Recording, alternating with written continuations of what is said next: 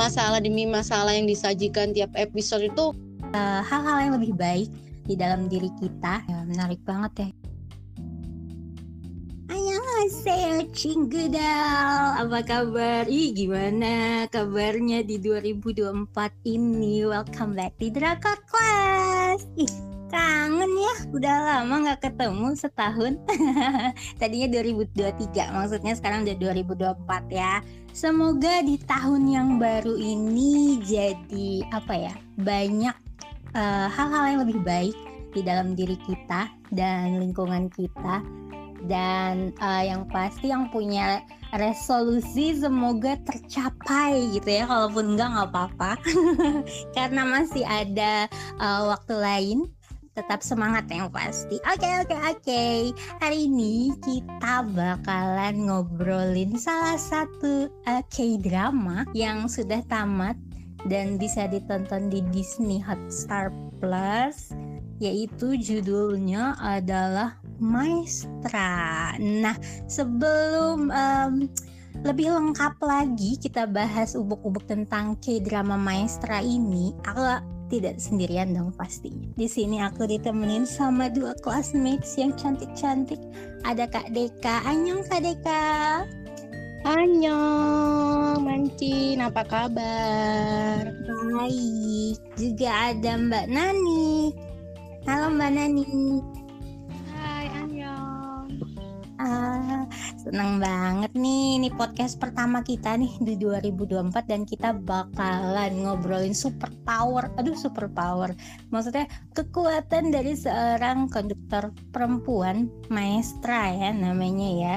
Uh, yang diperankan oleh seorang aktris yang sebenarnya ini udah lama banget ya.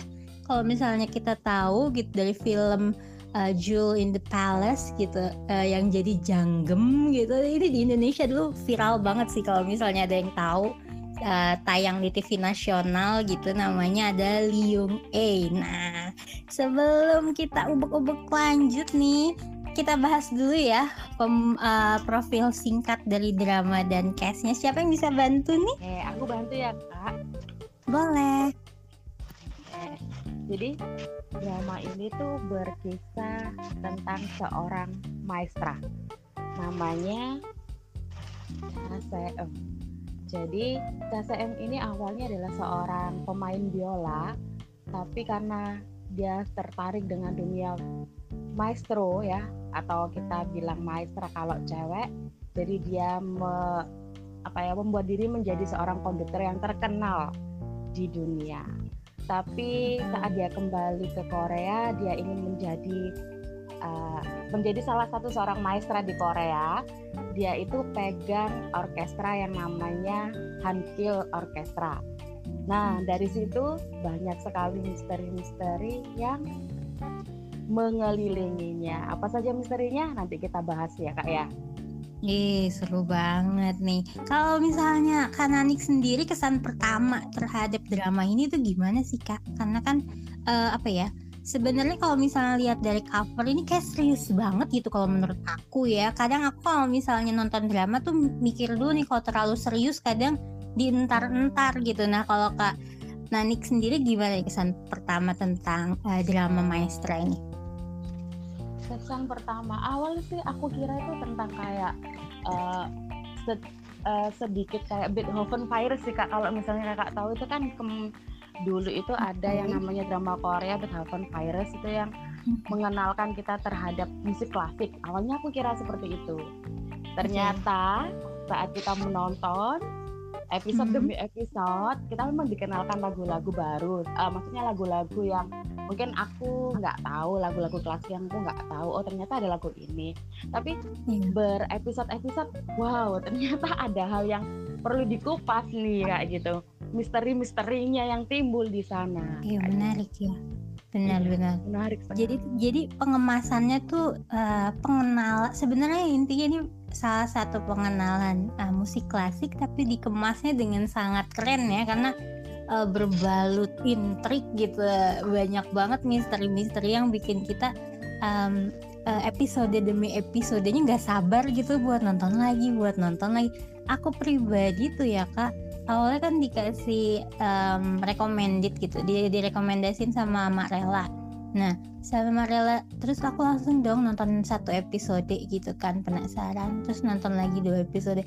Maraton dong akhirnya sampai habis tuh sampai 11 episode kalau nggak salah waktu itu lagi tayangnya. Jadi eh iya ya? Eh enggak enggak. 8 ya? 8 ya? 8 episode. Itu totalnya 12 kan ya? Ya aku nonton mulai de- pas keluarnya tuh udah 8 kalau nggak salah. Oh, jadi udah tinggal ya, ya. Iya, jadi jadi emang jadi nyusul malah waktu itu pada pada belum beres aku udah nonton dulu karena saking apa ya saking eh, bikin kepo gitu penasaran gitu. Plotnya tuh bagus lah menurut aku gimana kita dibikin eh, apa sih jadi pengen tahu lagi pengen tahu lagi. Nah sekarang kalau kak Deka nih kesan pertamanya gimana nih kak? Si main Iya. Sama nih kayak mancing. Jadi nggak nggak nggak ngikutin dari awal kan. Jadi keluarnya tuh udah sama episode udah 8 episode. Jadi itu bikin nggak berhenti nagih gitu. Kesan pertamanya tuh pertama gini kan itu juga ada kasus perselingkuhan gitu kan ya. Aku nih ya elah drama makjang lagi gitu kan awalnya gitu kan ya. jadi ketika pulang ke Korea nih nggak lama Chaseum itu eh, ada yang apa eh, ngasih tahu dia buat ke tangga darurat gitu. Ternyata di situ suaminya lagi eh, ciuman kan sama salah satu anggota orkestra gitu kan. Suaminya selingkuh gitu kan. Nah, aku kira tuh kayak ya ya drama biasanya gitu ya yang korban perselingkuhan itu akan eh, sedih dan lain-lain. Tapi wah keren sekali di sini tuh Cha Seum itu bener-bener kuat gitu dia menghadapi masalah ini. Jadi kasus perselingkuhan suaminya itu nggak membuat dia turun ya performanya.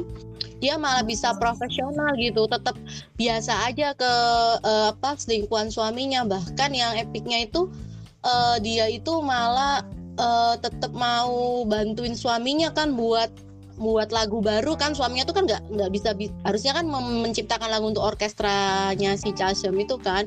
Suaminya nggak bisa bisa. Eh dia rela dong ke apartemen suaminya di tengah keberselingkuhannya itu. Dia bantuin suaminya nulis lagu lah inilah. Jadi dia tuh nggak nganggap masalah pribadi dia tuh jangan sampai eh, mengganggu orkestranya karena ya menurut dia mungkin yang paling penting tuh orkestra itu ya jadi kayak hidupnya gitu. Jadi masalah demi masalah yang disajikan tiap episode itu nggak membuat dia down gitu ya tapi dia justru semangat emang kualitas banget sih keahliannya itu. Jadi jadi wah ini tidak seperti drama Majang pada umumnya. Jadi emang fokusnya nggak ke perselingkuhannya itu ya tapi ke setiap setiap misteri walaupun perselingkuhannya tuh ada sebagai bumbu-bumbu mungkin gitu Iya, menarik banget ya. Itu tadi sama Kak Deka udah di pil tuh salah satu konfliknya ya. Ada tentang drama perselingkuhannya gitu. Ada scene-scene pers- perselingkuhannya. Awalnya juga cukup intens ya di awalnya, tapi ngelihat reaksi pemeran utamanya tuh jadi gimana ya? Jadi malah kasihan gitu sama pelakornya gitu kan. Baru deh di drama ini aku ngerasain yang nama Iba gitu sama pelakor. Kok kayak nggak ada harga dirinya banget gitu. Jadi biasanya kan kalau kalau di apa sih di drama-drama lain tersakiti banget ya istri sah itu. Tapi di sini oh wow nggak ada deh. Ini mungkin bisa jadi eh, apa ya rekomendasi gitu ya buat tontonan para istri sah gitu. Bagaimana menghadapi seorang pelakor yang nggak tahu diri. Di sini malah jadi yang apa ya strong banget gitu kelihatan banget gitu. Ah keren deh pokoknya. Nah hmm, aku balik ke Kak Nanik ya. Aku pengen tahu selain permakjangan tadi itu konflik lain di drama maestra ini ada apa lagi nih kak? Konflik lain.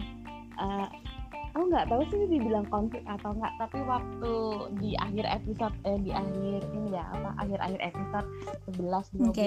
kita di, disuguhkan dengan kejadian apa ya surprise gitu loh Hmm. Selama kan ada misteri-misteri kalau aku sepil ya untuk Hmm. di apa namanya di orkestra itu kan terjadi pembunuhan benar ya kak ya benar terjadi salah satu pembunuhan. Nah, ternyata siapa yang membunuhnya? Nah, itu yang tidak di luar nalar saya sebenarnya. Wah, ternyata orang ini yang menjadi pembunuh dalam semuanya, dalam misteri yang ada. Di Hmm, jadi plot lingkungannya. twist ya Jadi Iya. tidak oh, iya, plot tanda-tanda. Bener, bener banget. Ini bagus banget. Intinya sih memang eh, cerita ini konflik untuk mempertahankan ya sebenarnya dari Hanggang Philharmonic ini gitu. Keren sih gimana intrik em, eh, kita nggak nyangka gitu ya. Kita di di apa?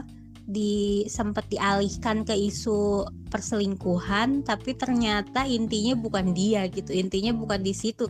Justru malah em, eh, apa ya ya dibalik itu gitu. Ini boleh lah ya udah mau di spill tapi nanti deh. Kalau misalnya mau tahu spill spillan kita spoiler sesungguhnya tunggu sampai agak-agak mendekat ending podcast kita oke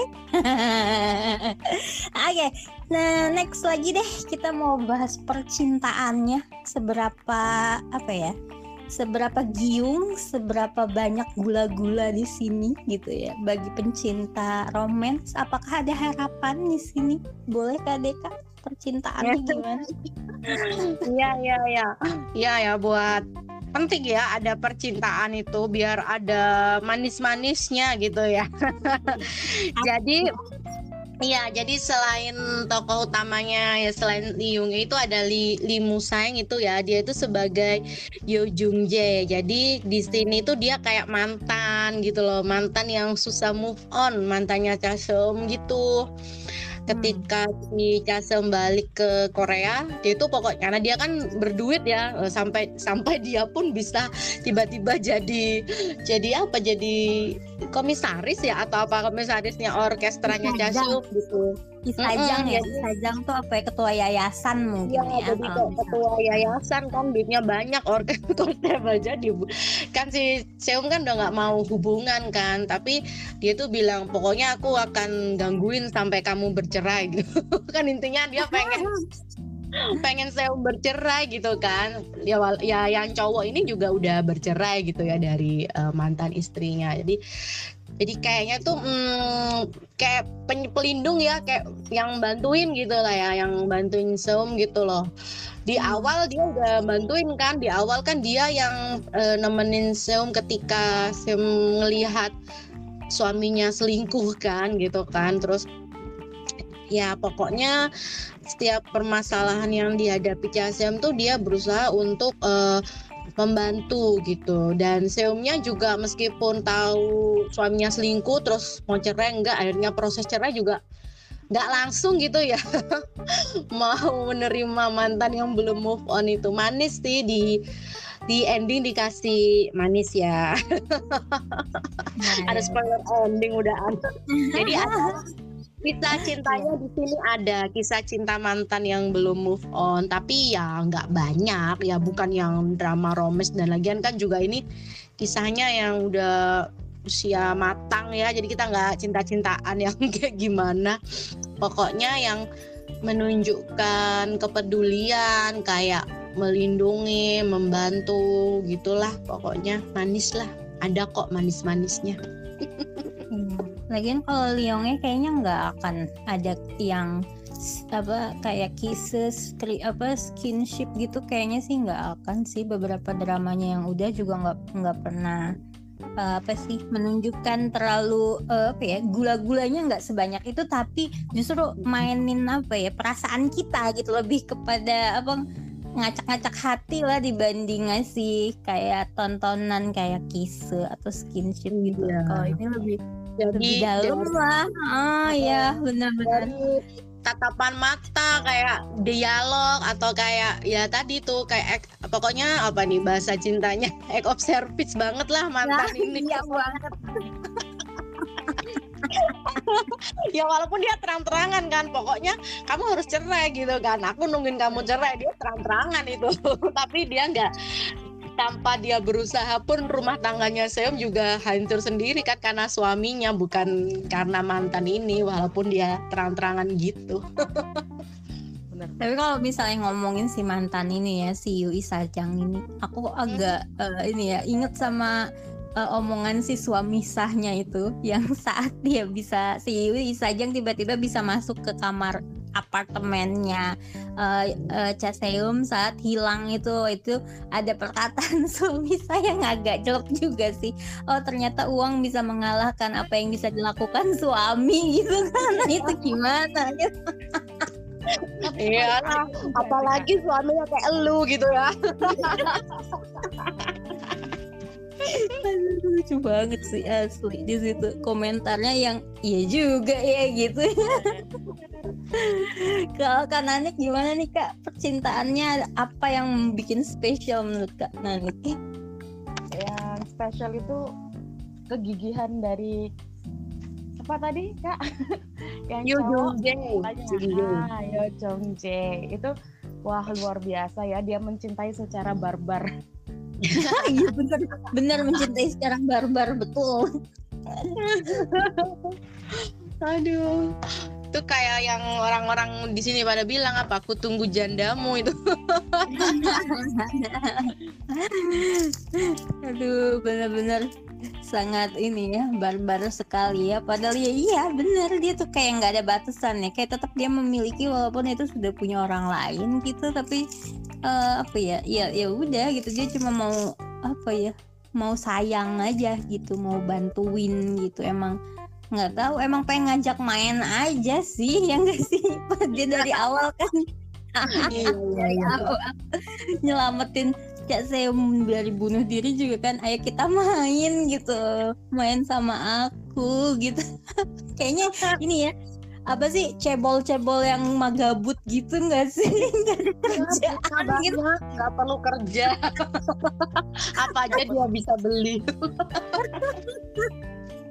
soalnya kan emang bener-bener kayaknya dia apa sih dia punya punya ini kan perusahaan invest investment gitu kan yang ya. apa sih minjem minjemin uang. Nah kalau di Korea kalau nggak salah itu termasuk yang lumayan lah ya gitu. Nah jadi kayaknya ngelihat dia kerja juga nggak nggak sesering sering banget gitu dibandingkan mainnya ya nggak sih? Kalau misalnya ngelihat iya. kelakuan dia. Kerjanya cuma nemenin seum dia nah pulang juga eh apa ke masuk kantor juga cuma rapat sama nyari eh nyari cara buat bantuin seum gimana gitu kan. Aduh enak banget ya kalau udah kayak gitu ya. Aduh. Bikin halu deh. Oke kita uh, kita oh ini ya kita lanjut dulu. Setelah ngebahas si Isajang itu kita akan bahas ke spoiler. Nah ini yang ditunggu-tunggu nih sama para cinggudel ini yang pengen pencinta para pencinta spoiler merapat merapat karena kita akan bahas kesan ending asik gimana nih kak? Um, apa ya? Mungkin aku pengen tahu dari masing-masing kakak-kakak ini apa yang bikin apa ya uh, kesannya tuh nggak cuma endingnya aja deh. Kesannya se uh, keseluruhan dramanya itu dan menurut kalian cie apa yang bisa diambil nih dari drama ini? Apa yang menarik dan bisa kita terapkan ke dalam kehidupan kita? Cie mencari hikmah judulnya. Boleh siapa duluan ya Pak Kananik boleh Kananik? Duluan. Hmm.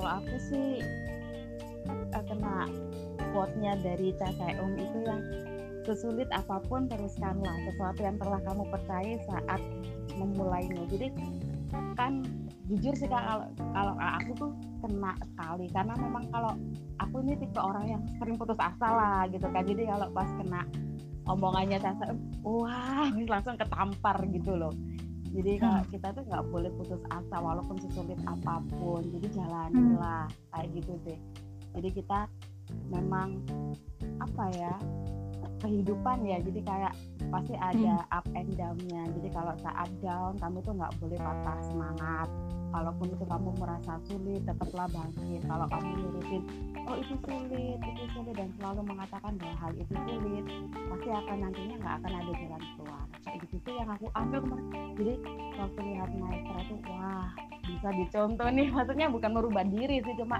bagaimana cara kita menyikapi situasi kita. Kayak gitu keren deh pokoknya. Sama ini Dalam banyak belajar dari sini Iya ya, keren banget ya karakternya. Kalau endingnya puas nggak kak? Kalau endingnya uh, mungkin gula-gulanya itu ya kak ya. Jadi kan waktu ending itu dia kan si cowoknya ngajak main ayo main yuk kamu kan mau ya mau keliling dunia nih katanya. Ayo main yuk kayak gitu. Cuma kan nggak nggak ditunjukin mereka beneran jadian atau gimana gitu sih. Jadi kayak kurang ah gitu gulanya sih. Apa yang di akhir kalau aku sih rasanya gitu bagaimana yeah. Kayak kalau Liong ini kayaknya emang nggak akan ini sih, nggak akan begitu gitu ya dramanya yang udah-udah juga. kita dia pasti ada open ending masalah percintaan gitu kayak Saimdang juga kan dibikinnya seperti itu gitu. Benar. Mungkin uh, apa ya? Ya. Spesialisnya ya kak ya. Ya mungkin memang atau mungkin ada prasyaratnya juga kurang tahu sih tapi memang beberapa dramanya Liong E yang berkaitan sama lawan jenis tuh pasti dibikinnya seperti itu gitu. Entahlah tuh itu mau uh, kenapa kenapanya apa emang jalan ceritanya gitu aku juga kurang paham. Tapi jadi uh, cuma kurang di gula-gula aja lah ya kak ya. Kalau misalnya secara uh, penutupnya clear semua ya menurut Kananik ya. Uh, kalau secara penutupan keren sih maksudnya kayak bagus ya hmm. bagus uh, jadi si Cha juga pun yang dulunya ada beban di dalam pundaknya. Ternyata waktu sudah dikeluarkan semuanya akhirnya dia terasa kayak wajahnya itu sudah kayak santai tenang gitu. Beda saat dia waktu ada masalah yang melingkupi kayak gitu. Oh iya. Oke okay. kalau kak kak Deka gimana kak uh, dan belum di spoiler kayaknya nih endingnya kayak gimana sih emang? Spoiler. Jadi kan jadi kan ini kan uh, drama banyak oh, apa orkestra ini tuh dikelilingin banyak misteri gitu ya. Dimulai dari kayak kecelakaan yang melibatkan Seum sama selingkuhan suaminya gitu kan. Ternyata remnya mobil selingkuhan suaminya tuh ada yang ngeblong gitu kan. Jadi Seum dianggap jadi tersangka. Pokoknya semua misteri ini tuh Seum jadi tersangka gitu. Walaupun akhirnya nanti detektifnya tuh sadar kalau Seum juga nanti korban gitu. Nah cuman emang di awal itu aku tuh udah langsung curiga nih. Kalau Mbak Nani bilang kok plot plot twist ya. Tapi kalau di awal aku udah curiga nih sama si dia nih. Karena karena kan waktu kecelakaan mobil itu kan uh, datang ke rumah kan. Jadi ke rumahnya selingkuhannya Seum. Jadi salah satu anggota orkestra ini nih di spoiler nih ya berarti ya.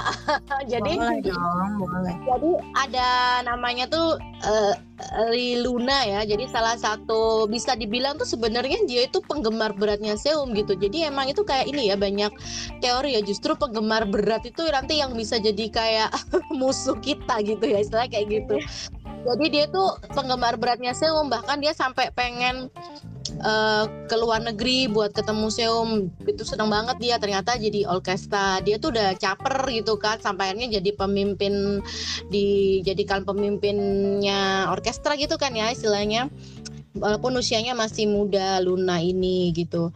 Aku udah curiga sama Luna itu karena dia sebelum kecelakaan itu kan dia ke si sejin ya apa ya? Li, li ya Ajin ya. Ajin siapa tuh sama selingkuhannya? Li Ajin, Ajin ya Ajin. Ya Ajin. Aku udah curiga gitu cuman nggak tahu lagi. Terus ternyata juga nggak cuman berhenti di kasus kecelakaan itu kan. Jadi kayak ada kasus narkoba lah ya. Terus akhirnya pembunuhan pembunuhan uh, salah satu anggota orkestra lah. Sebenarnya di kalau kita ngeliat di awal di awal tuh kayaknya dia tuh kayak mau jahatin orang-orang yang udah jahatin Seum gitu kan ya.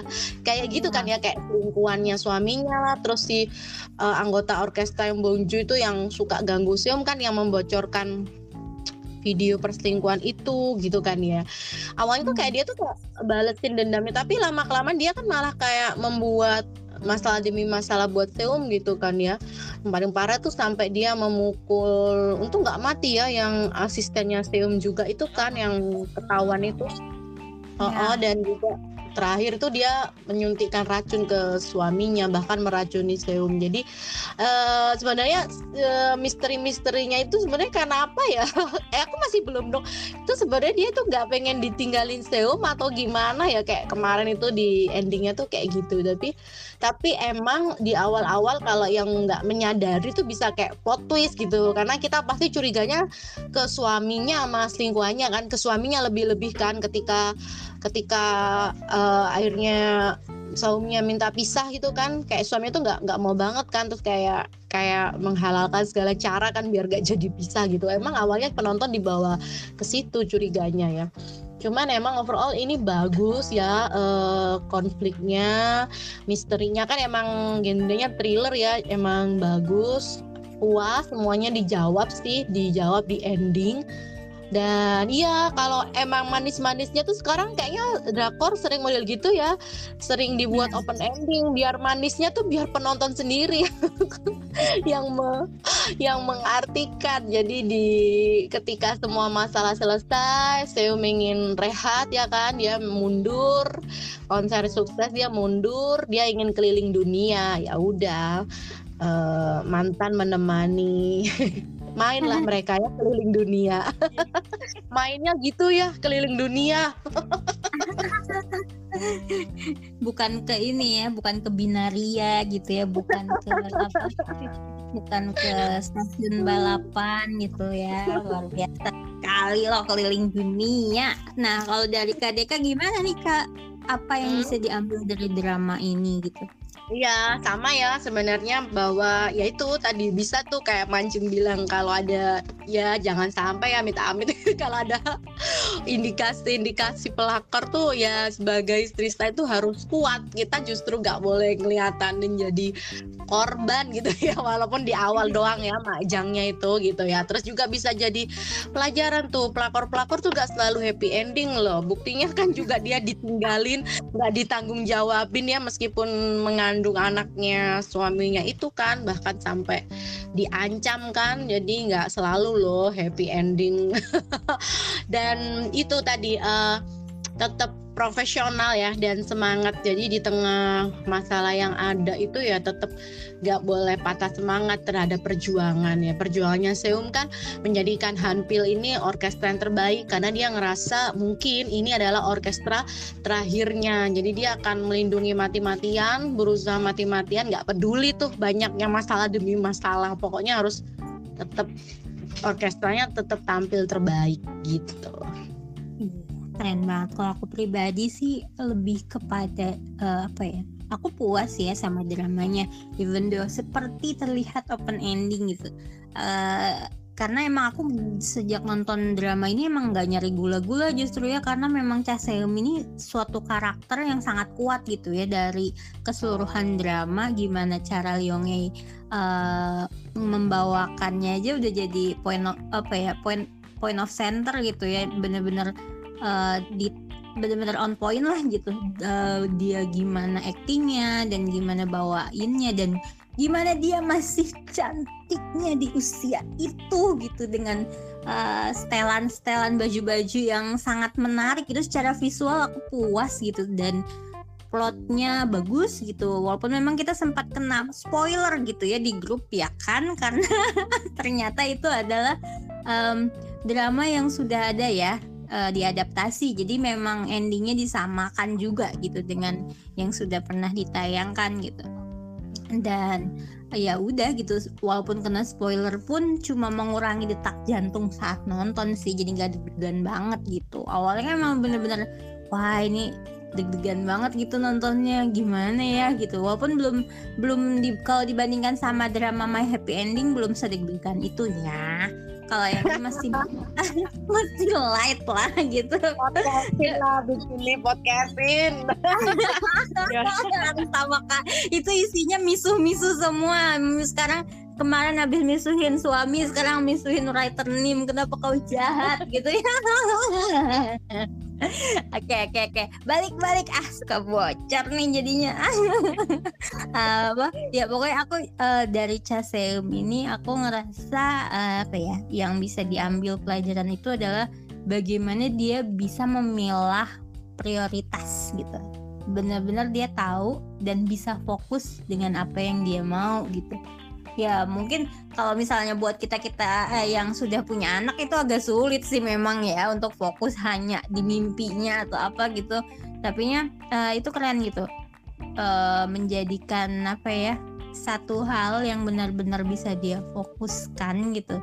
Dan jadi bikin dia kuat banget gitu karena yang dia tuju memang itu satu gitu. Jadi hal-hal yang uh, mengganggu itu membuat dia apa ya nggak terlalu di nggak terlalu dipusingin gitu. Padahal itu suatu hal yang besar ya gangguannya menurut aku gitu. Tapi ya udah kayak belajar ikhlas gitu ya dari Caseum gitu.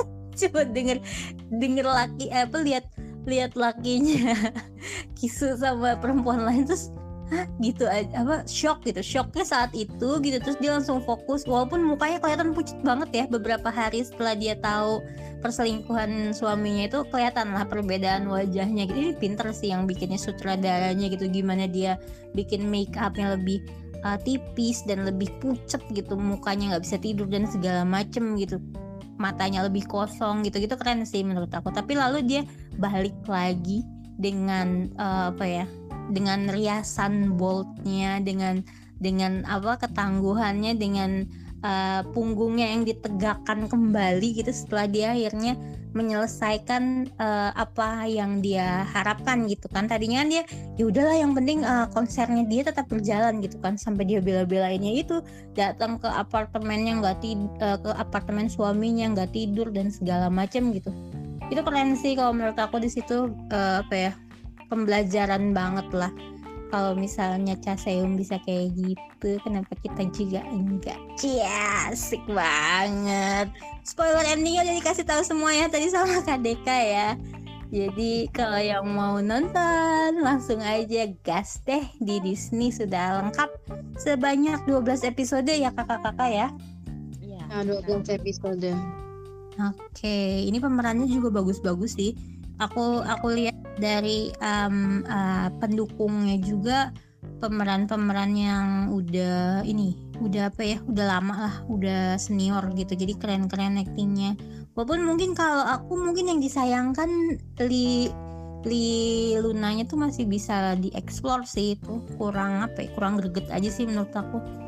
Wah, dia kan kayak kayak agak psycho gitu ya. Tapi ya terlihatnya malah datar gitu bukannya Iya, bukannya psycho gitu.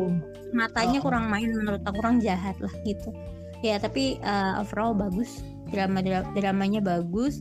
Um, acting actingnya keren keren dan konfliknya top banget sih menurut aku. Ya kita tutup sekarang. Terima kasih kakak-kakak sudah menemani di sini ngobrolin um, Maestra. Jadi teman-teman Cinggudel yang pengen nonton langsung gas aja ke Disney Hotstar dan kalau misalnya mau di spoilerin lagi drama-drama dalam bentuk artikel bisa langsung ke website kami di www.recordclass.com juga keep in touch dengan um, sosial media kita ada Instagram, YouTube, Spotify, Twitter, dan TikTok. Um, uh, tunggu nanti akan ada kejutan-kejutan lain dari Drakor Class. Pokoknya stay tune di Spotify kita, di semua sosial media kita akan banyak suatu hal yang istimewa lah di 2024 ini. Oke, terima kasih Kak Deka dan Kananik. Annyeong. Annyeong.